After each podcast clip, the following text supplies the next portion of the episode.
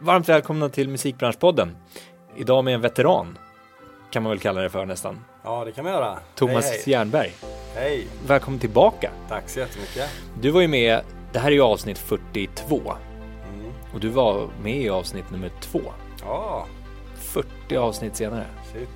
Visst är det härligt? Ja, det är vä- väldigt härligt faktiskt. Och det eh, avsnittet var ju faktiskt, eller är, det mest populära, det mest lyssnade. Mm.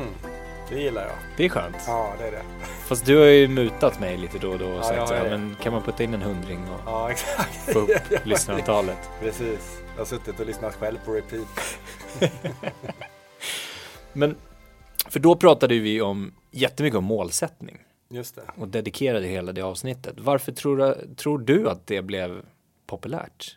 Jag tror att mål eh, intresserar folk mer och mer. Eh, jag vet för tio år sedan så pratade man inte kanske på samma sätt om det och idag finns det massa coachande böcker, det finns mycket litteratur, folk vill eh, vet du, självförverkliga sig själva på ett, på ett annat sätt idag. Mm. Jag tror att folk vill utvecklas mer på, på sina jobb, i studier, på, i sina liv. Jag tror att mål, målsättning blir en väsentlig eh, del i att uppnå de här sakerna vilket gör att det blir ett intressant ämne. Mm. Och kanske var intressant att väva in i liksom, eh, musikbranschperspektiv eller, eller den, med det perspektivet också. Mm. Ja, men jag håller med. Jag tror att för det, här, jag tror vi kom in på det då också, just det här med så här, ultimata målet för en artist till exempel. Ja. Att bli signad, Mm, eh, få ett så kallat skivkontrakt. just det. Men att, att det finns så mycket mer än det och att man inte bara tänker i stora drömmar utan att man precis som du säger förstår att ja, men det finns ett arbete bakom och då kan man lägga upp mål och att man faktiskt förstår att sätter man upp mål så Mm. är det större sannolikhet att man faktiskt når målen. Ja, verkligen. Ja, alltså det är något som jag implementerar i alla mina nuvarande samarbeten. Mm. Att jobba med eh, fastställda mål och visioner så att man vet att man jobbar åt samma håll. Mm. Ja, för du eh, har ju en ny eh, roll i musikbranschen kan man ju säga från förra gången du var med. Ja, För då var det, då var du på Warner och stämmer. jobbade på skivbolaget där. Men nu eh, driver du management. Just det. Känns väldigt spännande. Ja, Mm. vad är det? Berätta.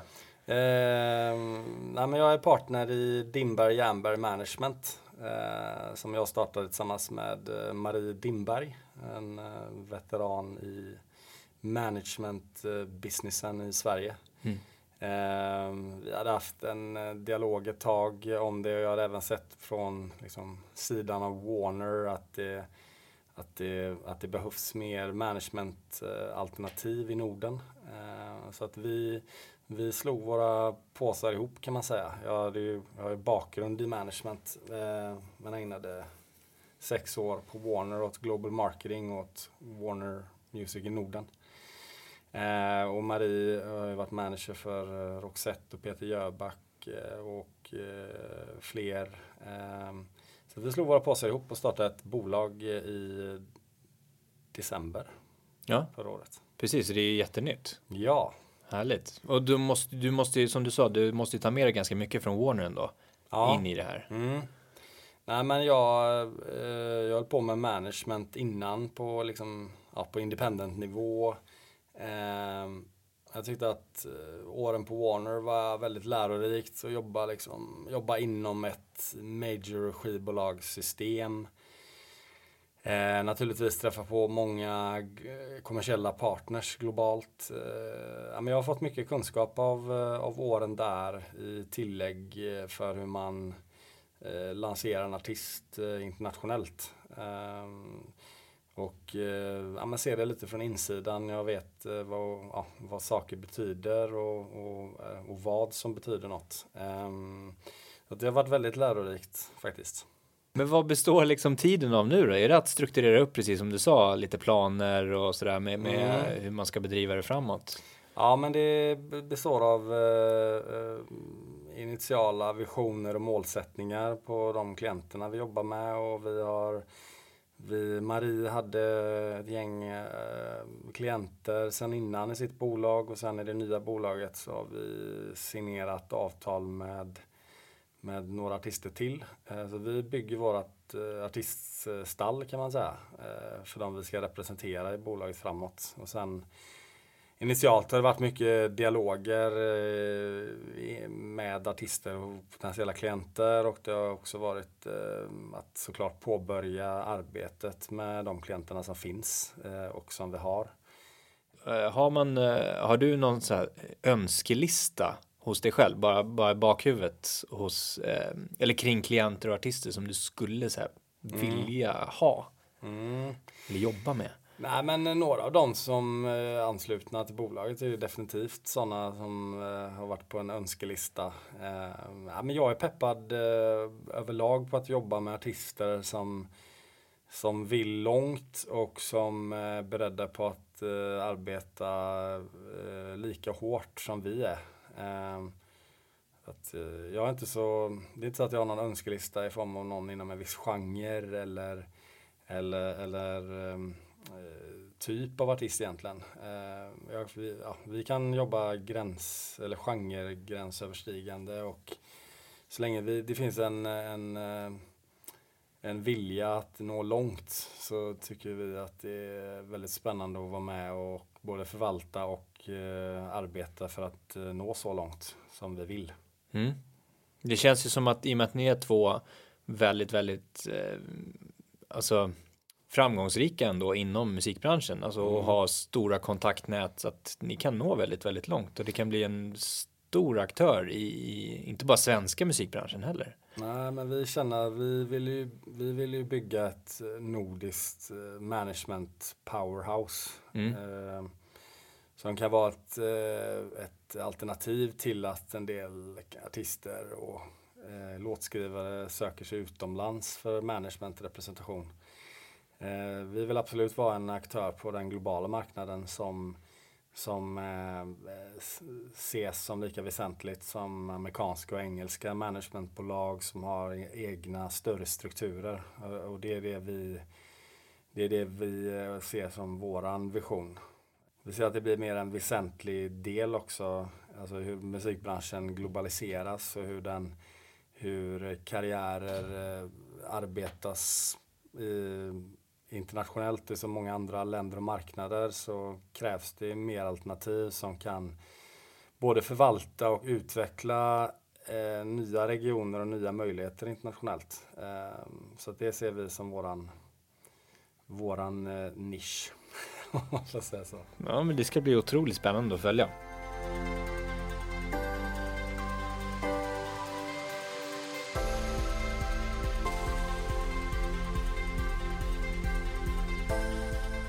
Du sa ju att du hade hittat tillbaka till management eller att du, du har ju sysslat med det tidigare. Mm. Förra gången vi snackade så gjorde jag en liten kort introduktion av vem du var ja, och vad du hade gjort. Just det. Men nu, jag tänkte att du skulle få chansen lite mer ändå och, och berätta det från ditt håll, ditt oj, perspektiv. Oj. Jag mm. tror att vi kommer in på det här med ditt band som du spelade i. Um, Gräslök i dålig andedräkt. Visst är det så? Vilket minne. Ja, väldigt bra, väldigt ja. bra. Ja, Men den, den ligger kvar någonstans där. Ja. ja. det är ett namn man inte glömmer. Nej. det kan vara så Finns det planer att ta upp det, liksom en liten reunion? nej, nej, jag tror inte det. Nej. För det var tonåren antar jag? Ja, det var faktiskt typ. Eh, innan tonåren. Innan tonåren, jaha. det var så. när jag sjöng det där. All right. Ja, men det för den som vill gräva fram så kanske det finns att gräva fram någonstans. Ja, men det finns. Jag såg faktiskt en, det var ju några år sedan, men jag såg en punkrockare i Göteborg med GGDA på sin lilla skinnjacka och det var lite kul. Shit, vad häftigt. Och jag gick förbi kavaj faktiskt. Jag skulle på något eh, härligt, eh, någon härlig tillställning och så tänkte jag att ska jag säga till han att jag spelade det där bandet? Men då vet jag vad han hade tyckt eh, om mig. För jag vet vad jag hade tyckt om honom. Men jag var 11 år och punkare. Exakt. Eh, så att jag hade inte varit så imponerad av eh, att se det. Nej. så att jag avstod. Förfallet åt andra hållet Exakt. hade det blivit. Ja. Gått från nitar och säkerhetsnål i kinden till kavaj. Ja, usch Thomas. Ja. Nej, men eh, jag tänkte att vi kan ju i alla fall, för du startade ju ändå tidigt och började arrangera saker och ting, jag för mig. Mm. Det var ju tonåren. Ja, det var det. Var, varför, det måste ju så här grundas i något också. Varför börjar man arrangera något? Var det för att det saknades? Mm, ja, eller, alltså första var ju fanzines och jag hade en liten eh, hade en liten skivlabel, en vinyl. Jag släppte vinyler och kassetter när jag var typ 14 år. Eh, och sen så fanns det ju inga som bokade banden som jag jobbade med. Nej. Utan då fick man ju boka själv. Så då började jag ringa runt och då blev jag ganska bra på det. Så jag satte upp turnéer med mina egna band i Sverige och i Norden. Och sen eh, ledde det till att andra ville bokas av mig också. Eh, så det blev för sig naturligt bara att jag, jag tyckte det var kul att liksom verka i, då i hardcore-scenen och i, i scenen för musik och punk. Ehm, och jag blev väl en, jag vet inte, en någon slags hardcore-profil i Sveriges hardcore-scen. Mm. Eh, och eh, det var väl början till att eh, jag signade mitt första band som manager kan man väl säga. Mm. Men det här, det låter så lätt när man, när du beskriver det så här, ja men det blev så, så blev jag det och så blev jag det. Ja, Och, och om man lyssnar på det så kanske man blir så här, men vad då hände det bara? Hade du bara flax? Var det bara så att ja, men du fick det signat och det och så kom det och sen så fick jag chansen där utan det ligger ju hårt arbete bakom. Ja, herregud. Ja, men jag, redan i högstadiet och sånt så var jag, jag vet inte, jag har väl alltid haft en, en hög drift. Liksom. Att jag, jag aldrig intresserat mig, eller intresserade mig inte då heller, att, att liksom sitta på, som många klasskompisar, satt på café efter skolan varje dag hela kvällarna och drack en kaffe. Jag kanske mer drog förbi och drog en kaffe snabbt och drog hem för jag ville skicka ut mina affischer och skriva på mitt fanzine. Och jag, jag ville, jag kände mig inte nyttig på något sätt när jag bara slödrev. Nej. Jag kände en bekräftelse i att eh, tillverka och producera saker hela tiden. Eh, vilket eh, blev jätteviktigt som är fortfarande viktigt. Jag har fortfarande ganska svårt att, eh, att slöa för länge. Ja. Exempelvis ligga på en strand en vecka är, är väldigt svårt. Mm. Det har vi gemensamt där. Ja. Man blir ganska rastlös. ja, men det är lite så. Men jag tror att det, det, det har ju någonting med liksom det här entreprenörskapsdrivet att göra. Alltså, Mm. Även fast du inte aktivt tänkte på det. Mm. Men tittar man på liksom startup-världen idag och entreprenörer idag så är det att, att man ska hitta en affärsidé och tjäna pengar på. Det var Ja. inte alls det som drev dig. Nej. Men skulle man jämföra vad du har fått ut av det, Mm. av att verkligen göra, jobba hårt och ha det tänket, Mm. eh, det drivet jämfört med den som liksom letar efter den ultimata affärsidén och ska tjäna massa pengar på det. Ja, precis. Du har ju fått ut otroligt mycket mer.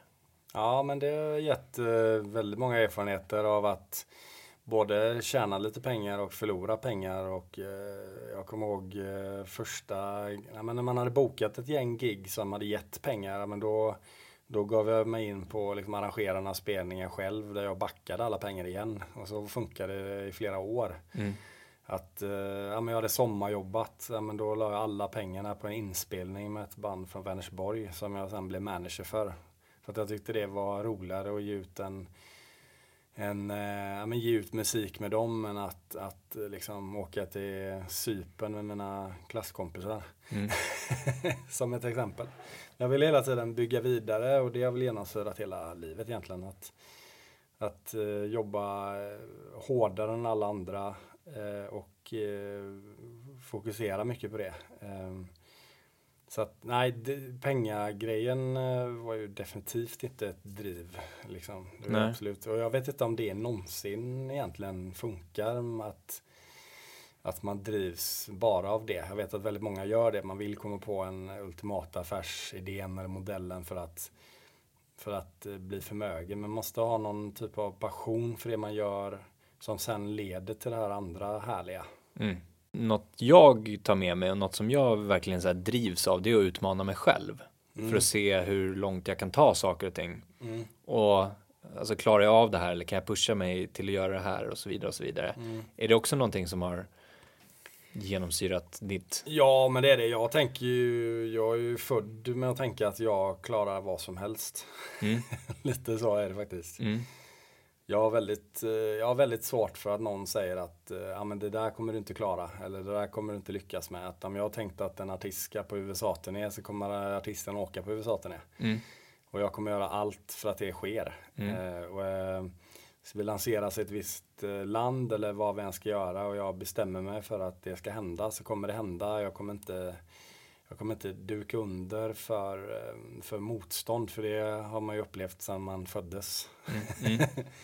Att eh, det kommer motstånd och grejer men jag tycker att det är väldigt lärorikt och väldigt eh, jag kan inte ens se tillbaka på väldigt stora motståndshändelser som något negativt. Nej. Som att jag tappade en eh, hel förmögenhet på en festival till exempel. Då tänker jag inte riktigt på det. Jag tänker bara på allt jag lärde mig av det och hur kul det var att koordinera så mycket människor och testa på någonting nytt och så vidare. Så, vidare. så att jag tänker inte så mycket på, på dåliga saker. Jag tänker nästan, jag tänker bara på bra saker. Mm. Det är bra. Ja, Mycket bra egenskaper. Då. Aha, det är det. Men vad, vad, om vi går vidare sen då i karriären. Mm. Du fortsatte driva management Ja, och fortsatte och signade artister helt enkelt, eller? Nej, men jag, ja, jag, jag jobbar ju med en artist, Division of Lee, som gick väldigt bra i USA. I liksom postpunk eh, indie-svängen kan man säga. Eh, de började turnera i USA, vi skulle göra Coachella, vi gjorde, vi var, gjorde väl tre USA-turnéer tror jag på ett år. Eh, sen blev jag anställd faktiskt av ett Göteborgsbolag som jobbar med Cardigans i Europe. Eh, jag sökte egentligen hjälp ifrån Petri då som drev det om att få lite tips om olika saker. Eh, som någon slags mentor men eh, då gav han som förslag att jag kunde komma och jobba hos honom istället. Mm. Ehm, och det gjorde jag i ett och ett halvt år tror jag. Jag jobbade nära Motorhomes och Turbo Negro, The Haunted och, och mycket andra. Men sen, sen sa jag upp mig och startade eget managementbolag. Och då jobbade du bara med det och signade vidare klienter som du lärde känna under den tiden på. jag tog inte med några klienter från det bolaget utan jag startade eget. Sen var det lite en mix av att driva eget och konsulta för ett annat eh, managementbolag kan man säga. Jag jobbade bland annat med en eh, ABBA-show som blev väldigt stor. Ehm, som gjorde sina första USA-arena-turnéer eh, under min tid. Ehm, jag signade även eh, hårdrocksartister samtidigt, bland annat Mustasch eh, var ju min första signing eh, kan man säga. Eh, och eh, Mustasch gick väldigt bra med första singeln Double Nature som, som sålde guld och de sålde ut arenor och Gröna Lund och allt möjligt. Och parallellt med det så började jag jobba med andra artister som The by April och Death Stars och senare även eh, Hammerfall. Mm. Jag befann mig ganska mycket inom hårdrock med, eh, med eh, ja, merchandise, globalt turnerande till, till kanske ja, till viss del andra delar av musikbranschen kan man väl säga. Alltså inte naturligt innehållande just kanske musikförsäljning eller, eller eh, stora kommersiella samarbeten utan det var väldigt fokuserat på live, merchandise och så släppte man album. Mm. Det var en annan, eh, lite en annan struktur och en annan tid. Och jag, jag tyckte väl att det såg, för min del kändes som att det eh, såg väldigt likadant ut eh, hela tiden. Mm. Eh, och senare så, så frågade Warner Music i Sverige om jag ville jobba med något som kallas för 360. Eh, för Warner hade massa aktiva rättigheter inom eh, ja, turnérättigheter, merchandise-rättigheter och de ville ha någon som jobbade aktivt med de rättigheterna och då eh, började jag där 2011. Så att, så att jag har hållit på med management ändå ganska länge där. Det var en tioårsperiod nästan. Mm. Och sen var du då på Warner och jobbade där Ja, under sex år ungefär. ja. Jag jobbade eh, aktiv, eh, aktiva 360-rättigheter så att vi signade egentligen som management kan man säga för Softsten och Panetos och Topcats och, och eh, massa andra klienter. Men sen efter ungefär ett år eh, som gick väldigt bra och var väldigt kul resa så fick vi en stor exportframgång Eh, och då förändrades mitt jobb kan man säga från aktiv 360 till eh, Global Marketing eller International Exploitation eh, ansvarig för Warner i Sverige mm. först. Och sen blev det senare Warner i Norden. Um, där jag jobbade med att uh, marknadsföra och etablera uh, nordiska artister globalt. Precis.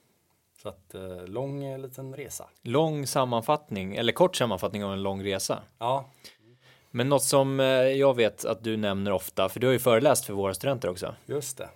Ett antal gånger. Mm. Och det är alltid lika uppskattat. Ja, jag tycker om det lika mycket. Du ska ju tillbaka nu ja. ganska snart. Just det. Ha en liten pratstund. Men, men någonting du nämner där är ju just det här vikten av prestigelöshet också. Ja. I, alltså när du jobbar dig uppåt. Mm. Vill, du, vill du förklara vad du menar med det? Eh, nej, men att man är, det låter ju som en klyscha, men att man är beredd på att eh, hugga i och att eh, allting som man, eh, alla sådana här mindre grejer, eller man ska inte säga mindre, men eh, repetitiva uppgifter som att sitta och ringa en väldig massa folk, sitta och mejla massa, massa folk och inte få någon svar. Eh, bära väskor till, till liksom allt som gör det bekvämt för en artist att utföra sitt jobb. Eh, kan man ju säga eh, att man, man får bortse från sin prestige i, i, och tänka bort sig själv. För någonstans är det klienten i, i första rummet att etableras. Eh, och eh, man får jobba väldigt hårt på många delar som inte är det som folk kanske tänker rent publikt att, eh, att man är involverad i. Att en del kanske tänker att man jobbar med kända människor och går på event och äter goda middagar. Och, och det, det är klart man kan göra gör det också på något sätt efter ett tag. Men eh, det är väldigt mycket jobb eh, innan det och jag tycker att man ska testa på ganska mycket grejer för att också veta vad det är man vad det är man eh, pratar om. Som att eh, jag var turnéledare till exempel för den här ABBA-gruppen samtidigt som jag var manager länge och eh, då lärde jag mig väldigt mycket om turnéproduktion, logistik, eh, hur man liksom förflyttar en, eh, en stor grupp människor från A till B i, i småstäder i USA. Mm. Till att söka visum, till att eh, boka resor som funkar för alla från en massa olika ställen till man lär sig väldigt mycket av av alla de där eh, aktiviteterna som man utför. Eh, att allt, har, allt ger inte en direkt effekt. Att man kanske tycker, nej men jag, jag vill inte turnéleda. Eh, men gör man det då lär man sig att hur det fungerar att turnera. Mm. Läser man 300 liksom, masterrättighetsavtal som man kanske har tillgång till då lär man sig väldigt mycket av de 300 avtalen. Fast när man börjar läsa det så tänker man kanske inte då är det nog många som kanske tänker att eh, vad mycket tid det tar eller vad ska det här ge? Mm. Men allt, alla de där grejerna ger saker. Eh, att jobba med arga människor, glada människor, eh, alla typer av människor gör att man Jag kan nästan tänka mig att om man jobbar som eh, telefonförsäljare eller i butik till exempel och träffa på väldigt mycket olika människor kan vara en, en, liksom, en fördel för att hantera mycket typer av människor. Ja, verkligen. Eh, men just när man kanske jobbar i butik så är det inte det man tänker inte att åh nu jobbar jag här i butiken och det kommer ge mig detta. Nej. Men allting som man gör ger massor med saker som man inte kanske förstår när man gör det. Mm. Vilket då är prestigelösheten i att att om man praktiserar någonstans och någon ber en eh, ringa på en ringlista till 300 journalister så kanske man inte tycker att det är så eh, givande och vad ska det leda till? Men faktum är att då lär man sig att sälja, man lär sig att prata med 300 olika människor, man lär sig att få 290 nej. Mm. Men man kommer få 10 ja och det är de som eh, leder till de här grejerna. Har det varit svårt att släppa prestigelösheten ibland för dig? Nej, jag, är, jag, vet inte. Det låter som så här klyscha att alla säger att de är prestigelösa. Men jag, jag har inga problem med, med saker som, som kanske anses då få en så att säga, förlorad prestige. Eller, Jag menar, när jag, jag menar, även i mitt jobb på Warner, när man kom till Taiwan och man var där med en artist som var en superstjärna i Taiwan, så, så bar jag artistens väskor för att det skulle se bättre ut på paparazzi-bilderna. Mm. Eh, då tänker inte jag att jag har någon liksom, position som säger att jag inte gör det, eller jag gör vad som helst för att eh, för att eh, saker och ting ska funka. Ja, jag har ju sett dig bära trumstativ eh, i princip ja. åt artister. Det, ja. är helt rätt. Exakt, det är det jag gör hela tiden. Helt rätt inställning.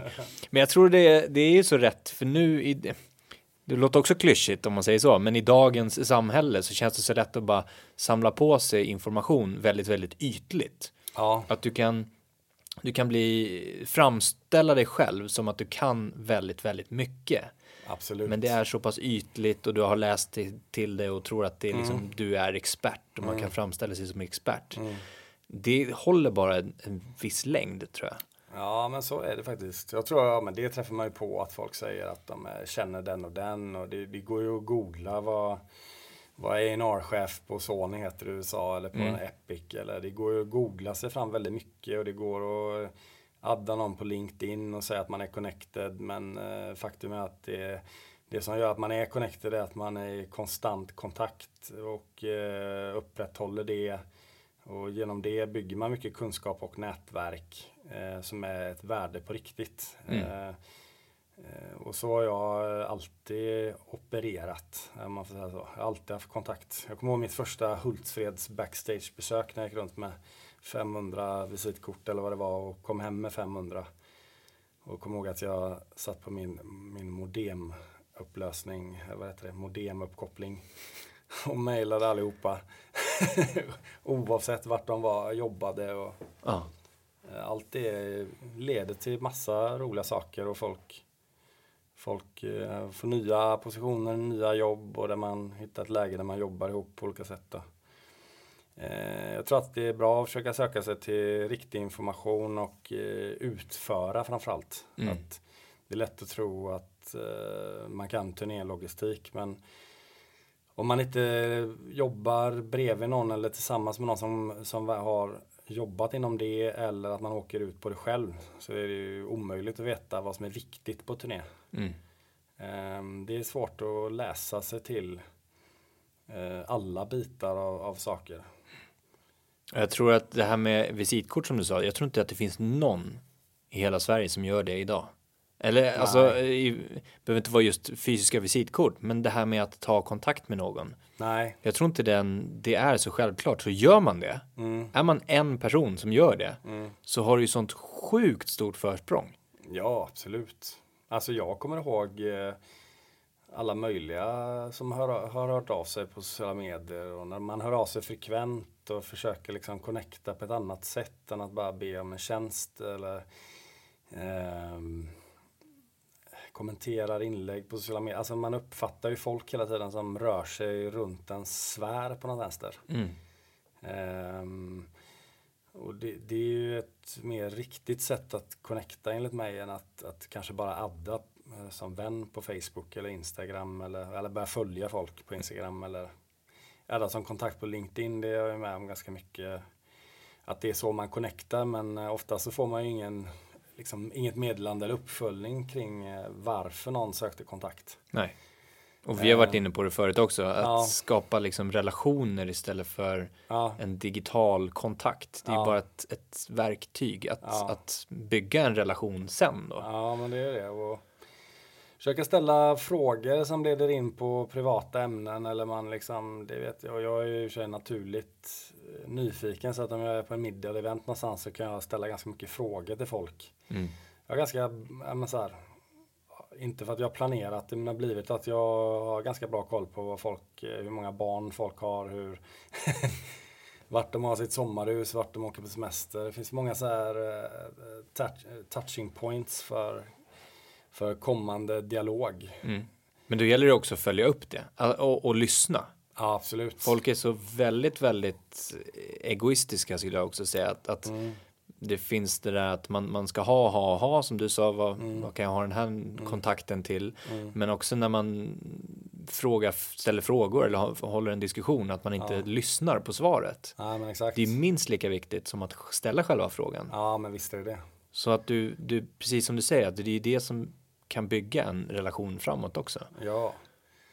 Och ehm, ja, men fortsätta relationen, inte, inte vara så himla fokuserad på vad folk har för titlar och vad de, var de befinner sig idag utan mer var, försöker vara naturligt nyfiken och eh, i framtiden så hittar man eh, nya beröringspunkter med folk mm. som man träffar på.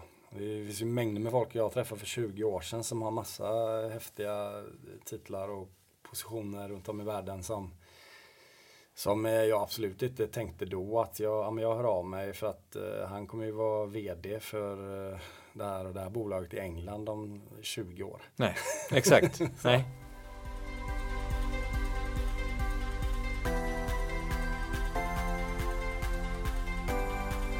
Jag tänkte vi ska gå in lite mer på management också. Mm. Som ämne. Jag vet att det, vi har väldigt många intresserade där ute som, som vill veta mer om management. Ja. Uh, men just enligt din åsikt nu då, från din mm. bild, vad, mm. vad speglar en, en, bra manager sammanfattningsvis? Oj, eh, nej men ett bra management eh, tycker jag är strukturerat, eh, har väldigt hög drift om att eh, ta saker framåt. Eh, har ett, eh, menar, ett helikopterseende där man kan se att ett första steg kan ge effekt i ett steg två-läge.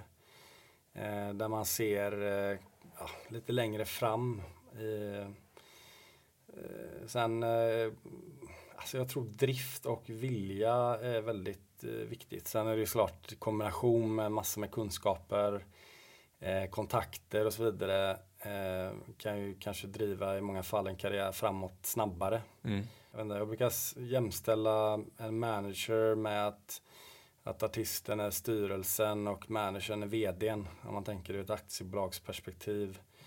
Eh, det är väl också en eh, klyscha men som ändå sammanfattar artistens uppdrag om att optimera artistens karriär och ekonomi. Mm. Är ju grundbulten i uppdraget. Mm. Så att säga. Mm. Um, så att uh, man måste vara uh, on top of things och uh, vara på och driva saker framåt. Sen ser uppdraget väldigt olika ut.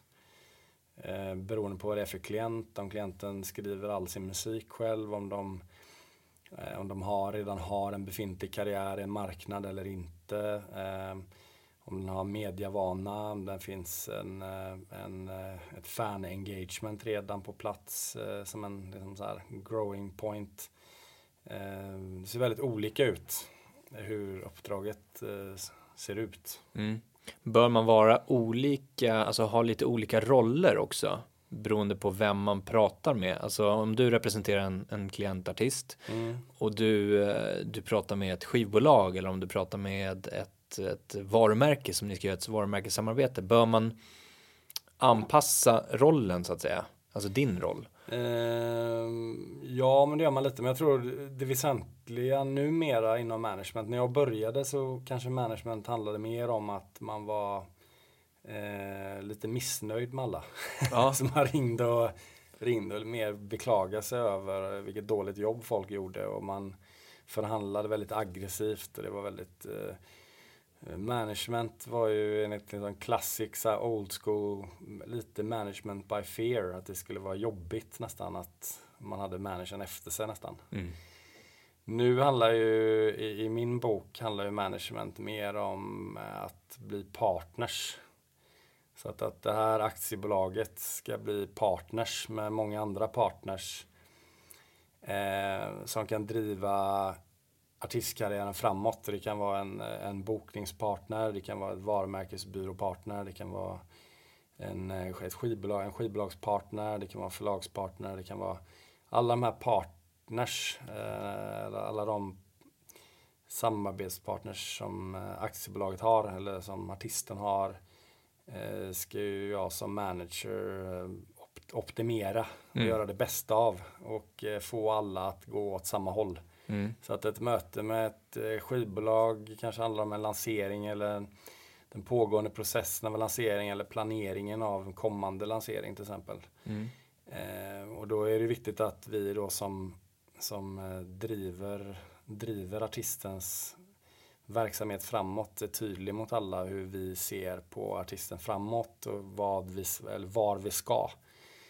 Så att det finns en gemensam målbild för alla partners. Mm. Att om vi ska Um, om vi ska nå framgångar i ett land på livesidan så behöver vi få partners även på musiksidan och på många andra samarbeten att drivas åt samma håll i, det här, i den regionen till exempel. Så det är klart att mötena ser ju annorlunda ut baserat på vilken partner man träffar men i, i grund och botten så handlar det om att representera artisten på bästa sätt och eh, optimera deras eh, framfart. Mm. Och du nämner det här med, med gemensam målbild och det behöver ju artisten och, och management ha gemensamt som sagt. Ja. Hur, um, alltså hur ser processen ut från det att man liksom säger ja men vi kör, vi, vi, vi, vi skapar ett samarbete här nu och så kör vi nu. Mm. Hur går man tillväga och matchar de här målbilderna? För jag kan tänka mig att artisten ändå har någon slags karriärsmål och sen alltså du som manager eller ni som management har en bild att ja men fan vi skulle kunna göra så här och så här tillsammans med den här mm, artisten. Mm. Hur matchar man det? Ja, men då diskuterar man eh, målbild och vision tillsammans. Det kanske till exempel är en, en klient som vill, eh, vill lanseras internationellt, kanske i vissa specifika regioner man vill, eh, man vill uppnå vissa saker, man vill spela för en viss typ av eh, storlek av venue som tre år exempelvis som mål. Man vill omsätta de här och de här pengarna om tre år. Man vill se att varumärket är i en viss position om tre år. Då måste vi lägga upp en, en plan för hur vi, hur vi når dit. Att om man vill spela i Globen om tre år som ett mål för någon till exempel. Då kanske det skulle vara att vi vi jobbar kampanjer och upplägg som, som, eh, och blir partners eh, med många eh, aktörer för att bygga, bygga varumärket starkare och starkare och kanske år ett sälja ut ja, Cirkus, år två sälja ut Annexet, skapa en efterfrågan som gör att vi, vi till syvende och sist naturligtvis med att folk reagerar positivt på musiken, det är ju grunden men men att skapa alla de möjliga förutsättningarna för att det, att, eh, det skulle kunna uppstå tillräckligt sug för att sälja Globen. Mm. Um, så att vi försöker säkerställa um, arbetet framåt för att nå uh, vissa typer av mål. Och sen har ju alla artister väldigt olika mål. Uh, för vissa är uh, ja, men integritet och, och, den kreativa sidan viktigt. De vill ha ett bollplank kreativt. För andra så, så kanske det mer handlar om en affär runt det kreativa. Att eh, eh optimera den. Eh, en artist söker kanske mer struktur än en annan och så vidare. Eh, så det, det, ser väldigt olika ut men det är egentligen samma metodik. Mm nämnde också att det, det, finns en viss skillnad mellan management förut, alltså traditionellt management by fear till exempel då, mm. och hur det ser ut idag. Finns det andra saker som skiljer sig liksom väsentligt? Eh, nej, men managementyrket eh, har ju professionaliserats mer eh, och har blivit större organisationer. Jag menar, för 50 år sedan så var det, handlade det ju ofta om en person mm. som var eh, extremt aggressiv och eh, pushade deras klienters framfart som Led Zeppelin och många klassiska band hade ju galningar som managers. Mm. Verkligen. Idag är ju management, eh, kanske framförallt hittills i USA och eh, i England, det är ju stora liksom ju stora, stora bolag eh, där, eh, där man har egen radioavdelning, egen social media, eh, egen turnélogistik, egen, eh, mycket av liksom egna leverantörer för att eh, understödja eller stödja de varumärken man jobbar med. Mm. Så det har blivit stora eh, media eh, management powerhouses på ett annat sätt än vad det var för liksom, 40-50 år sedan. Mm. Vissa som jag pratar med också eh, tror väl att, att management mer kan utmana musikbolagens roll eller liksom skiv, mm. de klassiska mm. skivbolagens roll. Mm. Behöv, behöver man dem på samma sätt som tidigare? Eh, ja, men ja, jag tycker man kan ha väldigt bra samarbeten tillsammans med, med skivbolag eh, och den, alltså den typen av eh, bolag som partners och så vidare. Men idag är det också möjligt att eh, lansera och ge ut sin musik på egen hand. Mm. Man kan ju ha egna små små skivbolag där man eh, äger sina mastrar. Det finns ju väldigt enkla sätt att distribuera musik eh, digitalt, globalt.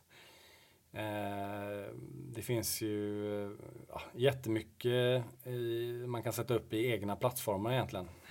Sen finns det väl såklart att om man går in med en global apparat som ett majorbolag där man kan gå in full force med radio, investera massor med pengar i, i marknadsföring och så vidare så är det svårt att att eh, slå mot att göra det själv eh, baserat på vilket läge man har. Mm. Men eh, jag tror att, att eh, väldigt etablerade artister med en väldigt engagerad fanbase kan ju egentligen idag ge ut sin musik på egen hand. Eh, så det har förändrats lite. Det skapas ju som små nya små lablar egentligen runt artister. Mm. Det är väldigt många som ger ut sin egen musik idag. Det finns många som framförallt ger ut det på så kallad licens. Att man lånar ut mastern till ett bolag under kanske tio år. Eh, och därmed producerar musiken, A&R den själv och eh, producerar eh, omslag och det visuella till exempel. Mm. Eh, så ser det ut mer och mer. Det gör ju, görs ju mindre sådana här life of copyright-dealar idag mm. än vad det gjorde liksom för, för 50 år sedan. Eh, så det ser lite annorlunda ut. Jag tror eh, det kommer säkert se ännu mer annorlunda ut sen. Mm. Eh, vilket vi också ser med, med musik som reser på ett annat sätt. Att det kan komma framgångslåtar ifrån vilket land som helst i världen helt plötsligt. Mm. Från att ha varit väldigt USA och England centrerat. Så poppar plötsligt en låt på spanska upp med Despacito. Mm. Eh, och det har ju hänt hur många gånger som helst de senaste åren. Att eh, på massa olika språk eh, och massa olika låtar som, som ingen trodde. Jag kommer ihåg när jag började på Warner och blev eh, exponerad för eh, den här Gangnam Style. Mm. Eh, eller Gangnam Style, vad heter den? Ja. Ehm, det var ju ingen då som trodde att den skulle ha 2,5 miljard visningar på Youtube och förmodligen sälja hur många miljoner exemplar som helst. Ja, helt galet. Ja. Men det blir ju som du var inne på där med distributionen av musik. Alltså det går ju att distribuera otroligt lätt. Och ja. du som eh, independent artist eller vilken artist som helst kan ju distribuera din musik i princip gratis. Mm.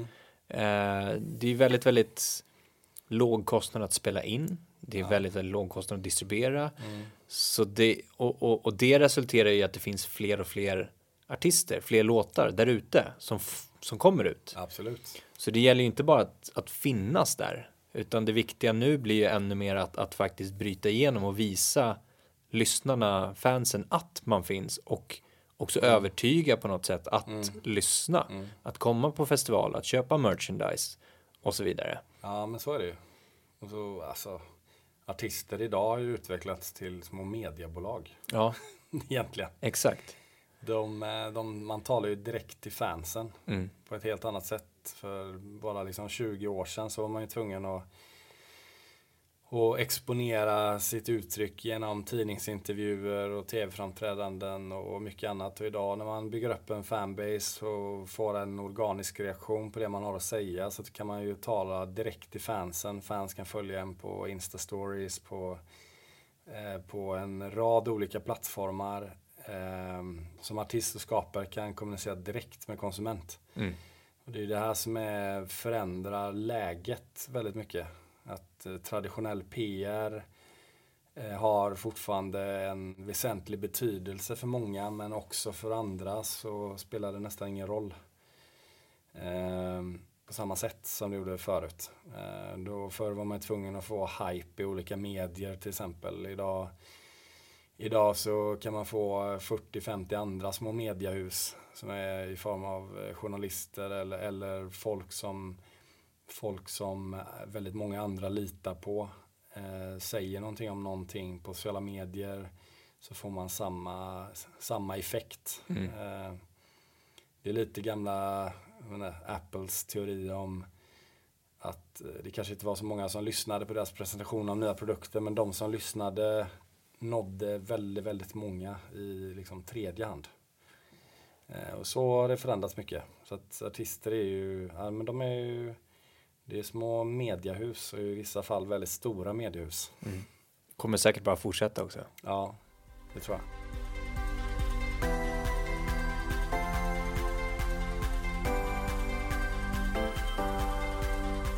Vi tillägnade ju som sagt ett helt avsnitt till målsättning. Mm. Tänker du på samma sätt när det gäller målsättning? Jag tror det är nästan två år sedan. Eh, ja, men det gör jag. Alltså jag är nog ännu mer inriktad på målsättning sen jag Ja. var här tror jag. Bra.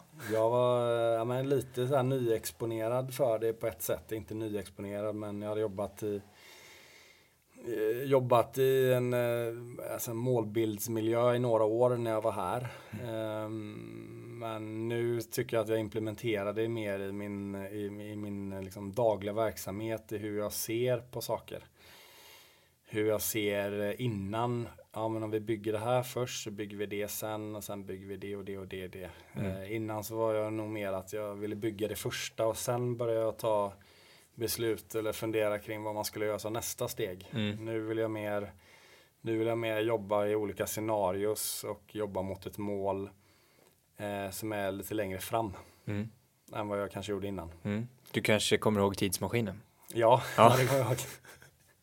Ja, jag, jag tänkte, jag har ju en till sån. Ja. Nej, inte en tidsmaskin, men jag har, jag har en, en, eh, en liknelse Åh, som jag brukar eh, dra, som jag faktiskt har börjat, fått arbeta mer och mer själv mm. med. Ehm, för det är väldigt så, vi- alltså vi har ju sagt att man ska skriva ner sina mål eh, just för att kunna ha någonting att titta på.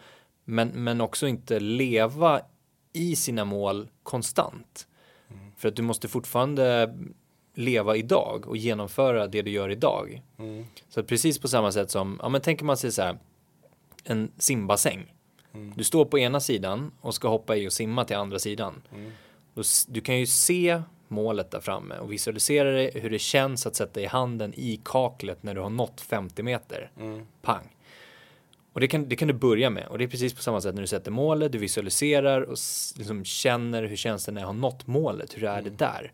Men sen när du hoppar i bassängen Mm. så tittar du ju inte konstant på den väggen på andra sidan. Nej. Utan du fokuserar ju på att faktiskt ta ett simtag. Ja, exakt. Exakt i den här sekunden. Ja. För att du faktiskt ska ta dig så pass effektivt som möjligt framåt. Ja. Och precis på samma sätt så måste du fokusera på idag. När du har satt mål. Du släpper ju målet. Mm. Och det är därför du skriver ner det. För att kunna släppa det. Ja. Och så fokuserar du på vad, vad jag ska göra idag. Mm. Och göra idag så pass effektivt som möjligt. Och sen då och då så tittar du upp.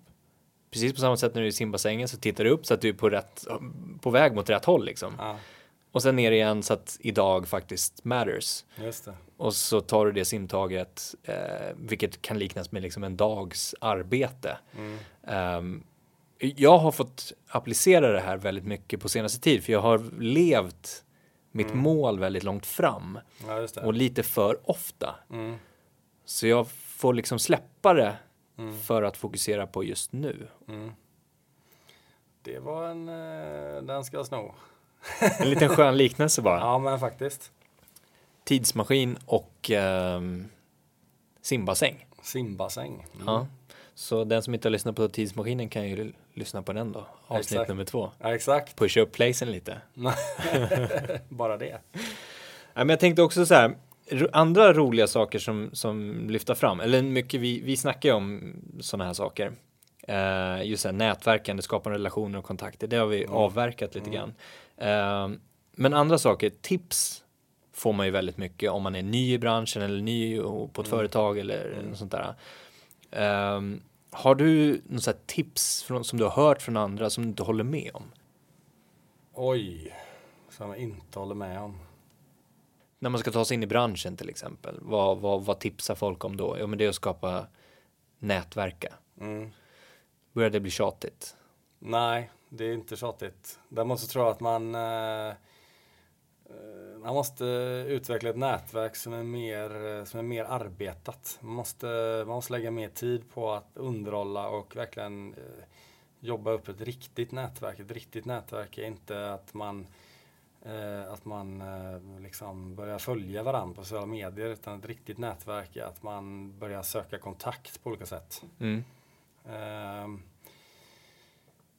eh, det kan vara eh, alla möjliga olika saker. Kanske man ser att någon har varit någonstans. Ja, där har jag också varit. Och man, alltså man hittar en, en kommunikationsbas som blir spännande och eh, återkommande Mm. eh, med folk. Att man, man träffas på event så att man går fram och pratar lite. Att man eh, hela tiden påminner sitt nätverk om att man finns där och att man är en tillgänglig resurs kanske. Eh, att eh, om jag får ett meddelande om någon som är bra på art direction till exempel för tre år sedan. Då kommer inte jag naturligt komma ihåg Nej. den kontakten utan man behöver liksom hela tiden se samples på grejer som personen gör. Man, man eh, behöver hela tiden påminnas om sitt nätverk, vilket är såklart åt andra hållet också. Jag måste hela tiden, man måste hela tiden påminna nätverket om att man finns och att man, eh, att man eh, är aktiv på olika sätt. Eh, så att nätverk tror jag man kan det kan man nog utveckla resonemanget mer kring än att bara ta kontakt en gång och tänka att man har ett nätverk. Mm. Utan mer bearbeta det. Och det var nästa fråga som jag Ja, tänkte förlåt, också. Nej, men, men så här, är någonting som många tjatar om eller verkligen trycker på, men som många är dåliga på att applicera. Mm. Är det en typisk Ja. sån grej? Jo, men det är så. Många säger att det är viktigt att nätverka, men det är kanske inte alls lika många som eh, bearbetar sitt nätverk och verkligen jobbar upp en riktig relation med folk. Eh, Det kan jag märka när jag har rest mycket internationellt. Eh, Både mitt förra jobb och mitt eh, tidigare liv som manager med när man åkte då jorden runt. Att, att eh, verkligen så här umgås med folk skapar ju ett personligt nätverk som gör att man kan söka kontakt på ett helt annat sätt. Mm. Än att till exempel börja följa någon på Instagram eller, eller vad heter det, på LinkedIn eller eh, man träffar folk och bearbetar det. Och om man har träffat någon, att man kanske skriver ett meddelande efteråt att det var trevligt att ses här ikväll och bra konversation. Eh, här är jag. Eh, av det så repeterar man namnet, man repeterar liksom möjligheten för att sen kanske kunna skicka musik eller, eller eh, göra ett samarbete på olika sätt. Mm. Eh, som man inte riktigt gör på samma sätt om man inte känner folk. Eh, det är ganska det, ja, till exempel en A&R på ett skivbolag, en sån person som signar nya artister. Att om en A&R träffar någon och det är ett återkommande namn hela tiden, då kommer personen lyssna på musiken. Men om man bara skickar helt, helt random ett mail eh, så är det inte säkert att personen ens eh, lyssnar på det man skickar. Eh, Där ibland, där, där är inte sagt att man inte ska skicka, för det ska man fortsätta göra, även om man inte får svar. Mm. Eh, men verkligen jobba på eh, att bygga en riktig relation tycker jag är super, super viktigt. Mm. Och något som, som gör att man kan ja, lösa massor med olika saker. Att om, om, eh, om jag ska liksom, ha en artist som turnerar i USA, men då har jag en eh, tidigare relation med tio skitbra turnéledare som jag har jobbat med. Mm. Eh, ja, men via massor med olika relationer så kan man utföra väldigt mycket saker. Mm. Jag tror att det skapar någon slags eh, bra effekt också skulle man väl kunna säga. Mm. Alltså, jag känner ju rent spontant att jag jättegärna vill hjälpa andra personer. ja, ja. Ehm, för att många har hjälpt mig. Alltså det här med, med nyfikenheten att ja, men jag har sökt kontakt och fått kontakt, tagit en lunch eller en fika eller vad som helst. Ehm, och lärt mig väldigt mycket. Mm. Och jag vill ju på något sätt kunna vara lika tillgänglig ja eh, för, för andra som vill ta sig in på samma sätt. verkligen. Och det blir ju en sån, en, en positiv effekt på något sätt. Så kan jag visa det så kan de som jag inspirerar göra Mm. på samma sätt och så Ja. vidare och så vidare och så vidare. Mm. Och så vidare. Så det gäller ju att börja någonstans också. Mm. Ja, man får köpa, jag tror man ska köpa läget att man behöver ge ganska mycket. Ja, Ge, ge, ge. Och eh, jag vet inte, det är kanske också är en klyscha, men jag tror inte att man ska tänka så himla mycket på vad man får hela tiden när man ger. Man ska Nej. bara ge, ge, ge. Eh, för till slut så får man. Mm. Att eh, liksom, inte vara så uträknad i, i, varför man ger, utan man bara ger. Ja, bra. enkelt. Ja, men ja, enkelt faktiskt. Det låter enkelt och det är enkelt. Mm. Folk komplicerar det. Ja. Det, det är bara så det är. Bra, härligt. Vad händer framöver för dig nu då? Eh, nej men vi, vi bygger bolag och vi eh, signar fler klienter. Vi eh, jobbar jättehårt med vårt eh, artiststall. Mm. Och, eh, ja, vi jobbar hårt för att utveckla vårt bolag till att bli globalt eh, väsentligt.